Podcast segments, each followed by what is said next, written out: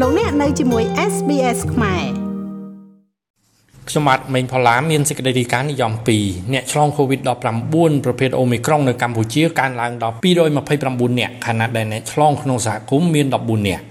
និងសេចក្តីរាយការណ៍មួយទៀតនិយម2ដំណើរការចាក់វ៉ាក់សាំងបង្ការជំងឺ COVID-19 នៅកម្ពុជាចុងក្រោយនេះហាក់ដូចជាយឺតយ៉ាវជាដំបូងខ្ញុំបាទមានសេចក្តីរាយការណ៍និយម2 អ្នកឆ្លង COVID-19 ប្រភេទ Omicron នៅកម្ពុជាកើនឡើងដល់229នាក់ខណៈដែលអ្នកឆ្លងនៅក្នុងសហគមន៍មាន14នាក់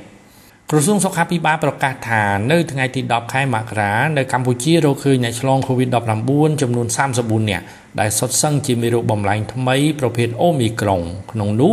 មាន24នាក់ជាករណីនាំចូលពីក្រៅប្រទេសនិង10នាក់ឆ្លងក្នុងសហគមន៍តាមរបាយការណ៍ប្រចាំថ្ងៃរបស់ក្រសួងសុខាភិបាល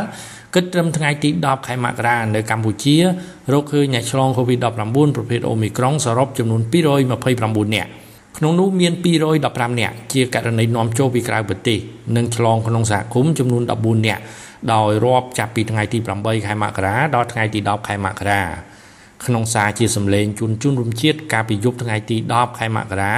លោកនាយរដ្ឋមន្ត្រីហ៊ុនសែនបានប្រកាសថាឥឡូវនេះមេរោគ COVID បំលែងថ្មីដែលហៅថាអូមីក្រុងបានចាប់ផ្ដើមលុកលុយនៅក្នុងសហគមន៍របស់យើងហើយកិច្ចការបន្ទាន់របស់យើងគឺពង្រឹងវិធានការការពារដើម្បីកុំឲ្យរីករាលដាលធ្ងន់ធ្ងរ ជាមួយគ្នានេះលោកនាយរដ្ឋមន្ត្រីបានប្រកាសជំរុញដល់អាជ្ញាធរសមត្ថកិច្ចរាជធានីខេត្តត្រូវបង្កើនល្បឿននិងគៀងគរប្រជាពលរដ្ឋមកចាក់វ៉ាក់សាំងបង្ការជំងឺ Covid-19 ជាពិសេសដូសជំរុញឬដូសទី3ទន្ទឹមនឹងនោះលោកនាយរដ្ឋមន្ត្រីក៏បានអំពាវនាវទៅដល់ប្រជាពលរដ្ឋត្រូវបន្តវិធានការការពារនិងទប់ស្កាត់ COVID-19 តាមរយៈការបន្តអនុវត្តវិធានការ3គុំនិង3ការពារហើយត្រូវទៅចាក់វ៉ាក់សាំងឲ្យបានគ្រប់គ្រប់គ្នា នៅពេលដល់វេនត្រូវចាក់ ជាពិសេសចាក់ដូសជំរុញឬដូសទី3និងដូសទី4ដែលត្រូវមានគម្លាត ឬចន្លោះពីការចាក់វ៉ាក់សាំងលើកទី2ឬលើកទី3យ៉ាងតិច4ខែ។ ពាក់ព័ន្ធទៅនឹងស្ថានភាពឆ្លងជំងឺអូមីក្រុងនៅក្នុងប្រទេសកម្ពុជាត្រូវបានលោកស្រីអាវ៉ាន់ឌិនរដ្ឋលេខាធិការនិងជាអ្នកនាំពាក្យក្រសួងសុខាភិបាលក្នុងពេលពិនិត្យដំណើរការចាក់វ៉ាក់សាំងបង្ការជំងឺ Covid-19 នៅខេត្តបាត់ដំបងកាលពីថ្ងៃទី11ខែមករាបានថ្លែងថាអ្នកឆ្លងជំងឺ Covid-19 ប្រភេទអូមីក្រុងនៅកម្ពុជាត្រូវបានដាក់ឲ្យសម្រាកព្យាបាលនៅ Stade Olympic នៅមណ្ឌលសុខភាពចាក់អង្រែ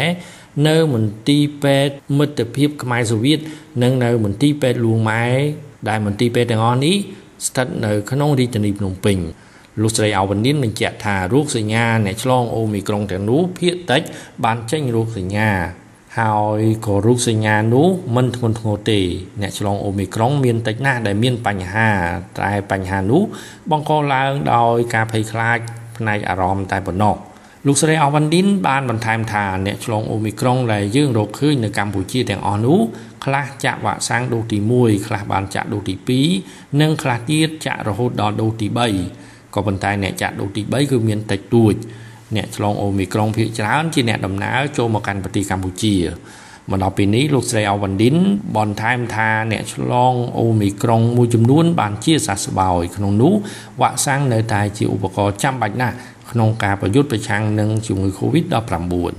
អូមីក្រុងដែលជាប្រភេទ COVID-19 ម្លែងថ្មីនេះគឺកំពុងតែចរាចរនៅក្នុងប្រជាជាតិកម្ពុជាយើងហើយហើយយើងក៏រកឃើញជាបណ្ដាបណ្ដាទាំងអ្នកដែលធ្វើដំណើរចូលមកក្នុងប្រជាជាតិកម្ពុជារបស់យើង ទាំងអ្នកដែលនៅក្នុងស្រុកដែលយើងហៅថាការឆ្លងនៅក្នុងសហគមន៍របស់យើងនេះក៏យើងរកឃើញជាបណ្ដាបណ្ដាដែរ អញ្ចឹងនិយាយជារួមទៅថាអូមីក្រុងនេះកំណើនរបស់វាគឺកាន់តែកើនហើយហើយនៅក្នុងនេះយើងក៏រកឃើញជាបណ្ដាបណ្ដានៅអ្នកដែលបានប៉ះពាល់ជាមួយនឹងករណីទី1 សូមរំលឹកថាកាលពីថ្ងៃទី11ខែមករាលោកនាយរដ្ឋមន្ត្រីហ៊ុនសែនបានចេញសារាចរស្តីពីការជំរុញការចាក់វ៉ាក់សាំង COVID-19 និងវិធានការការអនុវត្តវិធានការសុវត្ថិភាពផ្នែកសុខាភិបាលដើម្បីប្រយុទ្ធនិងទប់ស្កាត់ការឆ្លងរាលដាលជំងឺ COVID-19 ជាពិសេសមេរោគបំលែងខ្លួនថ្មីប្រភេទ Omicron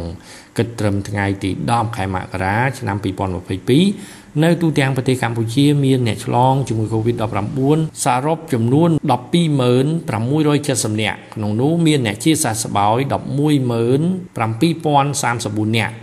និងមានអ្នកស្លាប់ដោយសារជំងឺ Covid-19 សរុបនៅក្នុងប្រទេសកម្ពុជាមានចំនួន3015នាក់នៅក្នុងរយៈពេល7ថ្ងៃចុងក្រោយនេះកម្ពុជាមិនមានអ្នកស្លាប់ដោយសារជំងឺ Covid-19 ឡើយ។ ចុច like share comment និង follow SBS ខ្មែរនៅលើ Facebook